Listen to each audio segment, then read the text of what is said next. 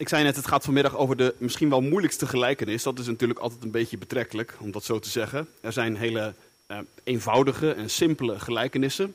Althans, voor het oog, die om te doen of om je daaraan te geven best heel ingewikkeld zijn. Er zijn misschien gelijkenissen die moeilijk te doorgronden zijn op het eerste gezicht. Maar als je eenmaal het punt te pakken hebt, dan denk je, ja, dat is eigenlijk best heel eenvoudig. Nou ja, hoe het ook is. Vanmiddag slaan we met elkaar uh, een gedeelte op uit Lucas, Lucas 16. De gelijkenis over de onrechtvaardige rentmeester. De gelijkenis is over geld en goed en onze omgang daarmee. En omdat bij de meeste van jullie deze week de envelop voor de actie kerkbalans op de, deur, op de deurmat zal vallen. En anders volgende week dacht ik dat het een goed moment zou zijn om het vandaag eens over dit thema te hebben in de middagdienst. Horen wij het woord van God. Jezus zei ook tegen zijn discipelen: Er was een zeker rijk mens die een rentmeester had en deze werd bij hem aangeklaagd dat hij zijn goederen verkwiste. En hij riep hem en zei tegen hem: Wat is dit dat ik over u hoor? Geef rekenschap van uw rentmeesterschap, want u kunt niet langer rentmeester zijn. En de rentmeester zei bij zichzelf: Wat moet ik doen?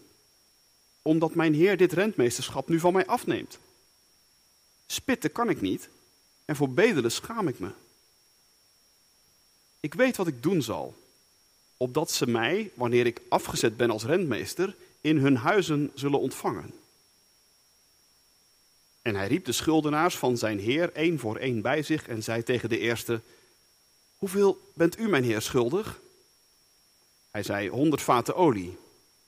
En hij zei tegen hem: Neem je schuldbekentenis, ga zitten en schrijf snel vijftig. Daarna zei hij tegen een ander: En u, hoeveel bent u schuldig? En hij zei: honderd zakken tarwe. En hij zei tegen hem: Neem je schuldbekentenis en schrijf 80. En de Heer prees de onrechtvaardige rentmeester, omdat hij verstandig gehandeld had. Want de kinderen van deze wereld zijn onder elkaar verstandiger dan de kinderen van het licht. Ik, zegt Jezus, zeg u, maak uzelf vrienden met behulp van de onrechtvaardige mammon, opdat zij u, als u gebrek leidt, zullen ontvangen in de eeuwige tenten. Wie trouw is in het minste, is ook in het grote trouw. En wie onrechtvaardig is in het minste, is ook in het grote onrechtvaardig. Als u dan wat betreft de onrechtvaardige mammon niet trouw bent geweest, wie zal u dan het ware toevertrouwen? En als u wat betreft het goed van een ander niet trouw geweest bent, wie zal het u het uwe geven? Geen huisslaaf kan twee heren dienen. Want hij zal of de ene haten en de ander liefhebben, of hij zal zich aan de ene hechten en de ander minachten. U kunt niet God dienen en de mammon. Woord van God. Tekst voor de verkondiging zijn de woorden van Jezus uit vers 9. Tenminste, daar draait het wat omheen. Waar hij zegt: Maak voor jezelf vrienden met behulp van de onrechtvaardige mammon opdat zij u, als u gebrek leidt, zullen ontvangen in de eeuwige tenten.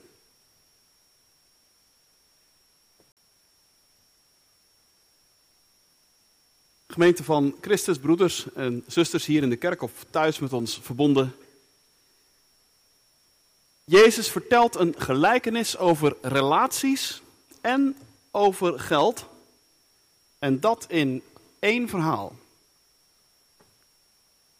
Ik kan me voorstellen dat je denkt, hoe kan dat? Want geld en relaties, dat gaat toch moeilijk samen. En toch knoopt Jezus ze nadrukkelijk aan elkaar. En hij drijft het zelfs helemaal op de spits hier, lijkt het. Want wat horen we hem zeggen als de gelijkenis afgelopen is? Maak vrienden met behulp van de onbetrouwbare mammon. Dat klinkt toch wel als een hele aparte opdracht. Om niet te zeggen een verdachte opdracht. Want wat bedoelt Jezus precies? Hij wil toch niet zeggen dat vriendschap met geld te koop zou zijn. Maak vrienden, zegt Jezus. Dwars door deze hele gelijkenis heen is dat blijkbaar een rode draad. Vriendschap, relaties, sociale netwerken. Hoe spelen die in dit verhaal een rol? Nou, als je wat meer inzoomt, dan merk je dat deze gelijkenis eigenlijk één groot ingewikkeld web van relaties veronderstelt. En de spin in het web, dat is een rentmeester. Een rentmeester, jongens en meiden, die moet je een beetje goed kunnen plaatsen om dit verhaal goed te begrijpen. En je moet dan ook iets weten van hoe de economie in de tijd van Jezus werkte. Jezus leeft in een tijd waarin, en dat gebeurt vaker op de wereld, eh, steeds meer grond in handen kwam van steeds minder mensen. Je hebt soms van die tijden waarin dat gebeurt. Steeds meer grootgrondbezitters, veel kleine boeren raakten door allerlei Romeinse wetgeving hun land kwijt en kwamen onder een grote heer te hangen. En aan die heer waren ze pacht verschuldigd. Een deel van de opbrengst van dat land vloeide rechtstreeks naar zijn bankrekening. En om dat allemaal een beetje te kunnen regelen, hadden zulke heren dus rentmeesters in dienst. Figuren die tussen de heer aan de ene kant en de pachters aan de andere kant stonden. En in de gelijkenis die Jezus vertelt, komt zo'n rentmeester in de problemen. Er gaan namelijk verhalen rond dat hij zijn boekhouding niet op orde heeft. En dat is zijn baas ter oren gekomen. Hij wordt op kantoor geroepen en de Heer zegt: Hé, hey, wat hoor ik nu over jou? Leg eens even uit. Wat doe jij met mijn eigendommen? Als de geruchten die rondgaan over jou kloppen, dan ben je bij deze direct ontslagen. En dan volgt er een heel fascinerend stukje. Want de rentmeester die gaat een gesprekje aan met zichzelf. Opvallend, niet met zijn heer. Hij gaat zich niet verdedigen. Hij vraagt niet om nog een tweede of een laatste kans. Nee, niks van dat alles. De kans is dus ook vrij groot, denk ik, dat hij niks te verdedigen heeft. En dat de geruchten die rondgaan inderdaad kloppen. Dat zijn boekhouding inderdaad niet op orde is. En dat ontslag op staande voet eigenlijk niet meer dan logisch is. De rentmeester beseft dat hij zich goed in de nesten gewerkt heeft. Wat moet ik doen? vraagt hij zich af. Voor werk met mijn handen ben ik niet geschikt en voor bedelen schaam ik me.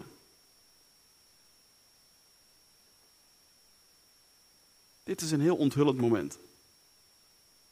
Want deze man beseft dat ontslag veel meer betekent dan alleen maar het verlies van zijn baan. En ineens beseft hij dat hij straks niet alleen geen baan meer heeft, maar ook geen netwerk, geen vrienden. Ik moet ervoor zorgen, zegt hij, dat mensen mij thuis nog willen ontvangen. En blijkbaar heeft hij ook heel goed door dat dat niet vanzelf zomaar goed gaat komen.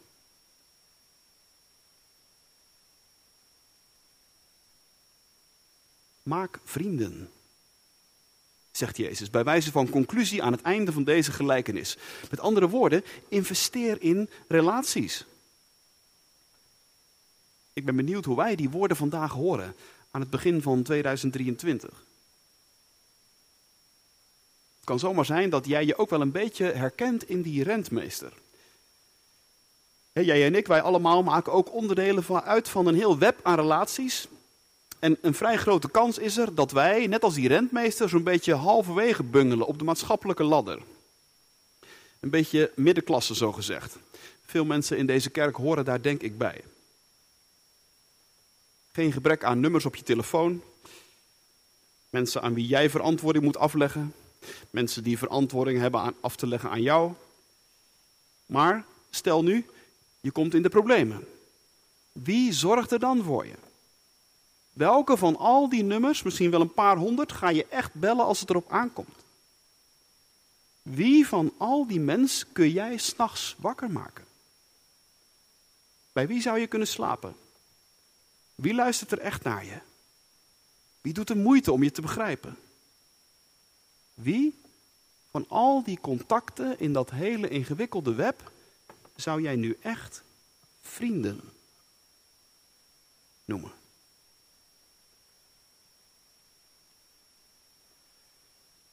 Ik denk dat de oproep van Jezus om werkelijk te investeren in serieuze vriendschappen ook anno nu bepaald geen overbodige oproep is. Ik herinner me nog altijd vrij levendig een moment tijdens mijn studie, toen wij voor het vak diaconaat een poosje stage moesten lopen in een dakloze opvang in Utrecht. Denk nou niet, zei toen een van de medewerkers tegen me, en ik ben het nooit meer vergeten. Denk nou niet dat hier allemaal kansloze figuren rondlopen. Hier zitten mensen tussen met een prima baan en een goede opleiding. Maar er gebeurde iets in hun leven, een soort fatale samenval van baanverlies en echtscheiding bijvoorbeeld. En die kan ervoor zorgen dat je ook in dit fatsoenlijke land binnen zes weken op straat staat. Ik ben dat nooit meer vergeten. Goed. Tot zover zeg je, is het misschien nog wel te volgen. Investeer in relaties, zegt Jezus, en denk niet dat dat vanzelf wel goed zit. Maar dan gaat hij verder. Maak die vrienden met behulp van de valse mammon. En dat is toch wel heel apart. Want je weet, jongens en meiden, de mammon, dat is de geldgod. En geld en relaties, dat is toch water en vuur. Hoeveel goede relaties gaan er niet stuk op het thema geld? En in hoeveel sociale netwerken speelt geld een hele giftige en manipulatieve rol? Follow the money, zeggen we dan, ja. Maar als je dat begint te doen, dan knap je daar zelden van op.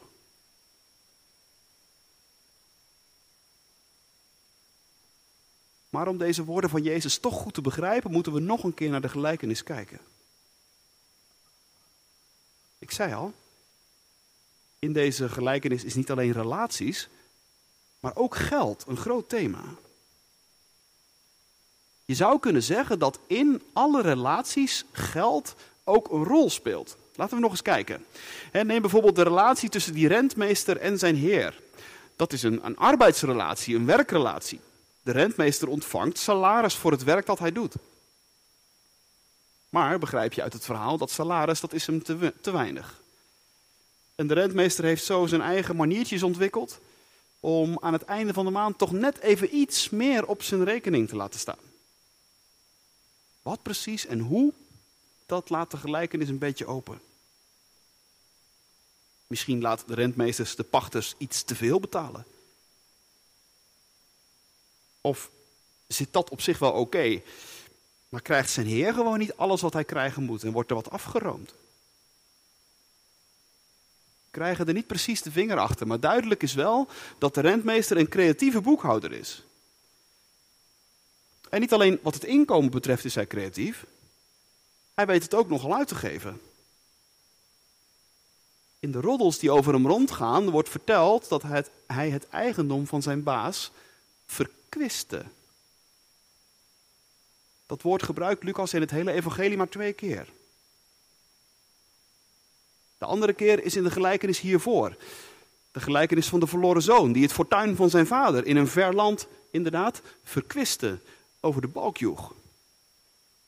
Reisje hier, dineetje daar, verbouwingje zus, feestje zo, zeiljacht, allemaal leuk. Maar nu zijn heer erachter komt, zit hij in de problemen. Geld maakt zelden langdurig gelukkig.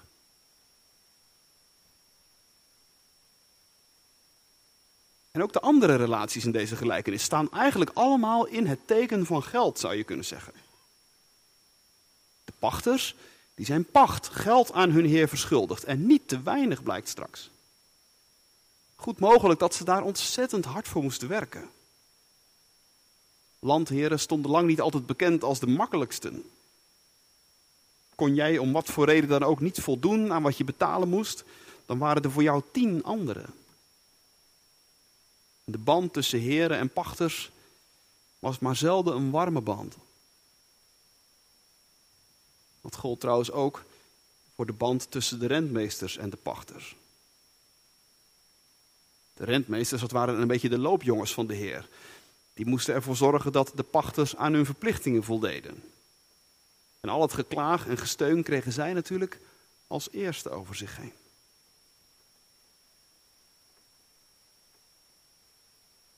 In deze gelijkenis speelt geld dus dwars door alle relaties heen een heel belangrijke rol.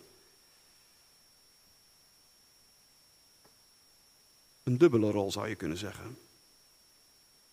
En dat maakt dit gebeuren zo fascinerend. Want die valse mammon, zoals Jezus hem noemt, die blijkt niet alleen maar relaties onder druk te kunnen zetten, maar die kan ook het verschil maken. Kijk maar goed naar wat die rentmeester doet. Als blijkt dat hij ontslag krijgt en hij maakt zich zorgen over zijn vrienden, over zijn netwerk, hij weet niet zeker meer wie hij nu wel echt een vriend kan noemen, dan bedenkt hij zich dat geld nu ook het verschil kan maken. En één voor één roept hij die pachters bij zich. En laat hij heel snel en heel gemakkelijk de boekhouding aanpassen. Hoeveel ben jij schuldig? 100 vaten olijfolie? Gauw 50 neerzetten. En jij 100 balen graan? Gauw 80. Met één pennenstreek is het allemaal geregeld. Heel slim, zegt zijn baas. Heel slim van jou, rentmeester, als het hem ter oren komt. Waarom slim, denk je? Nou, omdat die rentmeester zijn heer hiermee in een heel lastig pakket brengt. Moet je eens even bedenken.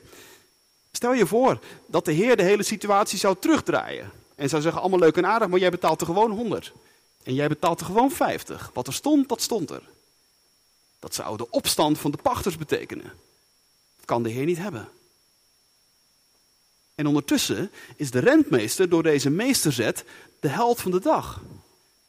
Zomaar eventjes zorgt hij ervoor dat ze 20 of 50 procent minder pacht hoeven te betalen. Nou, daar maak je makkelijk vrienden mee.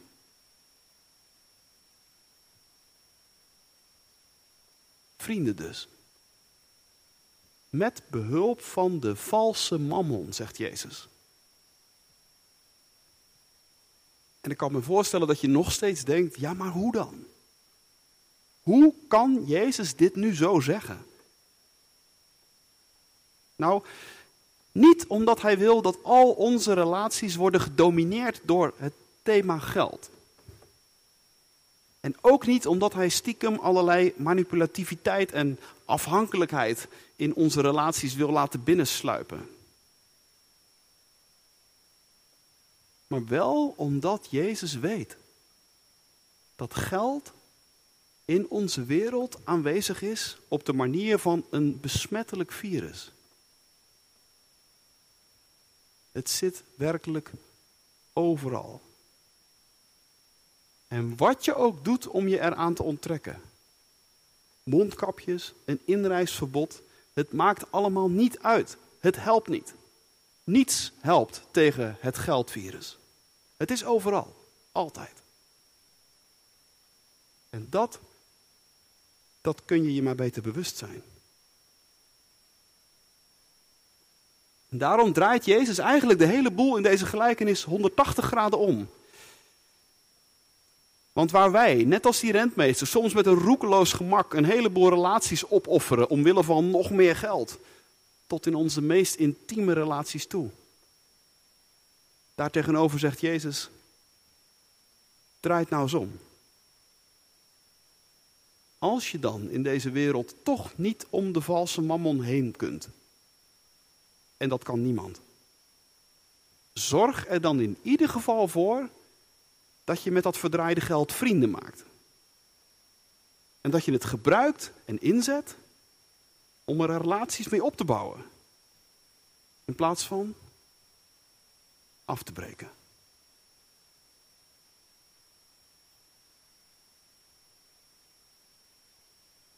Ik denk dat deze of volgende week bij de meeste van jullie de envelop van actie kerkbalans op de deurmat valt. Dat is voor de gemeente Gouda en voor de meeste andere kerken in ons land een heel belangrijk ding als het om inkomsten gaat. En nu dacht ik, laten we die envelop nu eens beschouwen als een vertaling van de woorden van Jezus. Maak vrienden met behulp van de valse mammon. Die envelop die van de week op jouw mat ligt, dat is dus een kans. Dat is een uitnodiging om in het jaar dat voor je ligt te investeren in dingen die er werkelijk toe doen. Te investeren in het koninkrijk van God. Want dat is waar we in de kerk op uit zijn. En dat is ook waar we elkaar op kunnen aanspreken. Het geld dat we hier bij elkaar brengen en verzamelen en denken nodig te hebben, dat moeten we indirect of direct gebruiken om er vrienden mee te maken. Op de een of andere manier moeten we kunnen uitleggen bij alles wat we uitgeven, dat het de bedoeling heeft in zich om relaties te leggen, om die te verdiepen of mogelijk te maken. Met het geld dat wij hier verzamelen, is het de bedoeling dat de mammon manna wordt. Je weet wel, dat merkwaardige brood dat Israël in de woestijn elke dag te eten kreeg en dat er zomaar was, iedere dag weer opnieuw. In overvloed. Brood om te eten. Voedsel voor je ziel. Brood om te delen aan wie te weinig geeft. Een kans dus, die envelop. Maar ook een vraag. Wat doe jij met het geld dat je van God gekregen hebt? Waar wil jij in investeren?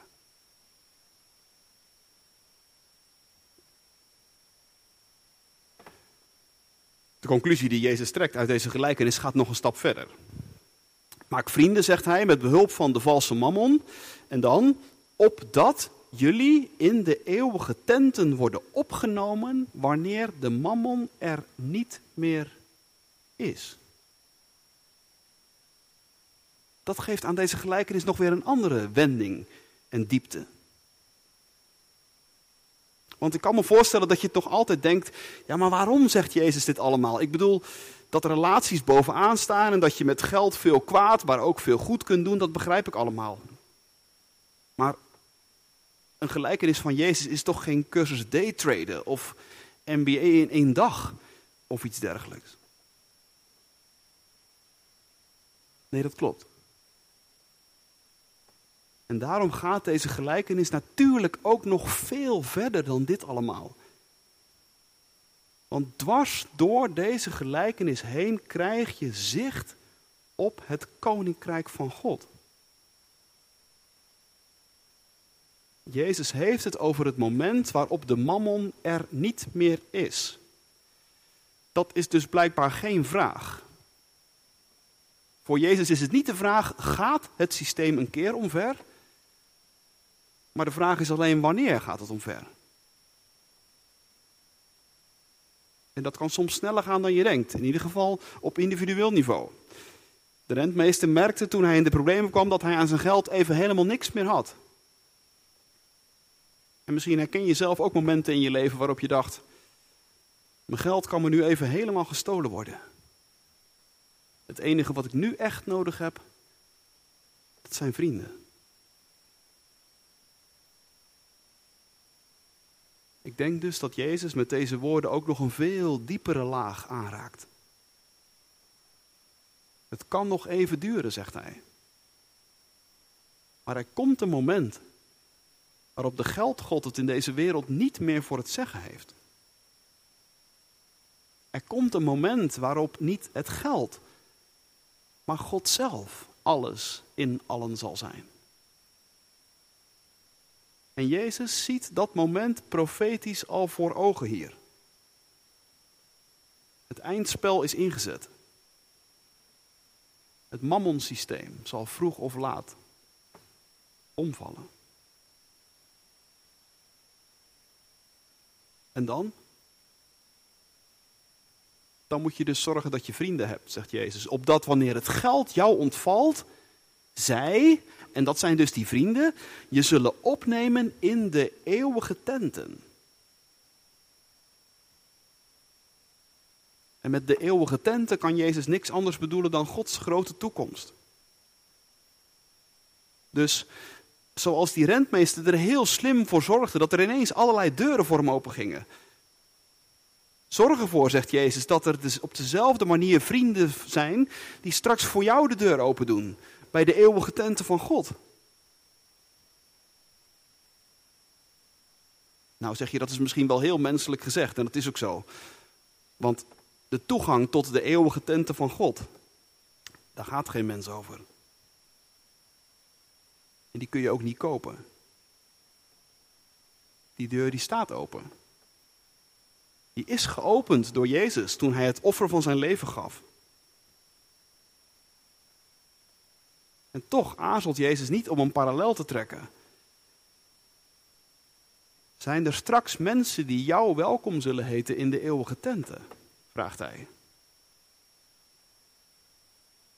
Als jij en ik, als wij met elkaar straks voor God staan,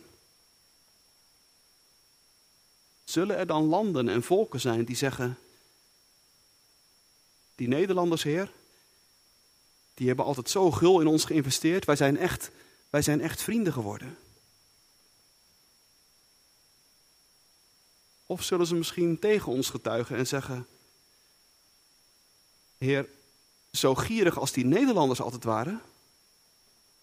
Eerst haalden ze onze mensen op om ze als slaven te verhandelen. Daarna kwamen ze voor onze bodemschatten. En weer later waren we de dumplekken voor hun, voor hun afval.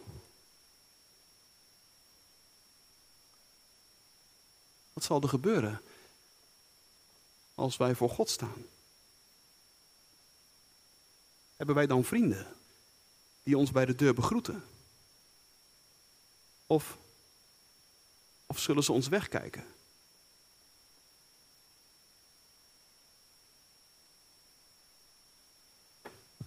Tot slot. Er is geen enkele gelijkenis in de Bijbel waarin niet ook God zelf een plek heeft. En daarom aan het einde deze vraag. Waar is God nu precies in deze gelijkenis? Ik zei net al, deze gelijkenis komt precies na de gelijkenis over de verloren zoon en de liefhebbende vader. En als je goed kijkt, dan hebben die twee gelijkenissen ook wel iets met elkaar. Het is ook een gelijkenis over relaties. En het is ook een gelijkenis over hoe je de ware aard van God, van onze Vader in de hemel, totaal kunt misverstaan. Waardoor al je relaties stuk gaan of onder hoogspanning komen te staan. Je ziet het bij zowel de jongste als bij de oudste zoon. En tegelijkertijd is, dit is het een gelijkenis over verandering. Over thuiskomen in het huis van de Vader. En daar genade vinden. En ik dacht, zou dat misschien niet hier ook zo kunnen zijn? Dat dwars door al het gedoe, het kleinmenselijke van geld en relaties en vriendschappen en gedoe, dat er in deze gelijkenis zo ontzettend dik bovenop ligt, zou daar dwars doorheen niet toch iets van de ware aard van God kunnen doorschemeren? Ik denk het wel. Op een paar momenten in deze gelijkenis gebeurt iets van hele onverwachte genade. Zo hoeft de rentmeester, gek genoeg, niet meteen de gevangenis in bijvoorbeeld. En draait zijn heer op voor de geleden schade. Dat is genade. En de pachters hoeven ineens veel minder schuld te betalen. Dat lijkt me genade. En de rentmeester die zichzelf zo in de nest had gewerkt er zijn vrienden die hem ondanks alles toch willen ontvangen. Genade. Het is allemaal heel erg verborgen en heel erg voorlopig. Maar toch, misschien is dat juist ook wel de kracht van deze gelijkenis. Want de gelijkenis lijkt heel erg op ons leven. En te midden van al dat menselijke gedoe, van dag in dag uit, dat in dit nieuw begonnen jaar echt niet anders gaat zijn dan in het jaar dat achter ons ligt. Te midden van al dat gedoe ligt, hoe voorlopig en hoe verborgen ook, toch het koninkrijk op, van tijd tot tijd. Als licht in de kiertjes van een heel dik gordijn. Maar toch, onmiskenbaar. Totdat. Totdat de macht van de geldgod ten einde is. En niet de mammon, de valse God, maar de ware God. Alles in allen zal zijn.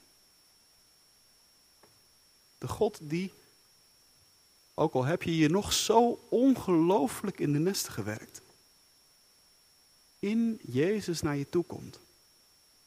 Je schuld vergeeft. Totaal en helemaal. En je verwelkomt in zijn eeuwige tenten. Als dat geen echte onvoorwaardelijke vriendschap is.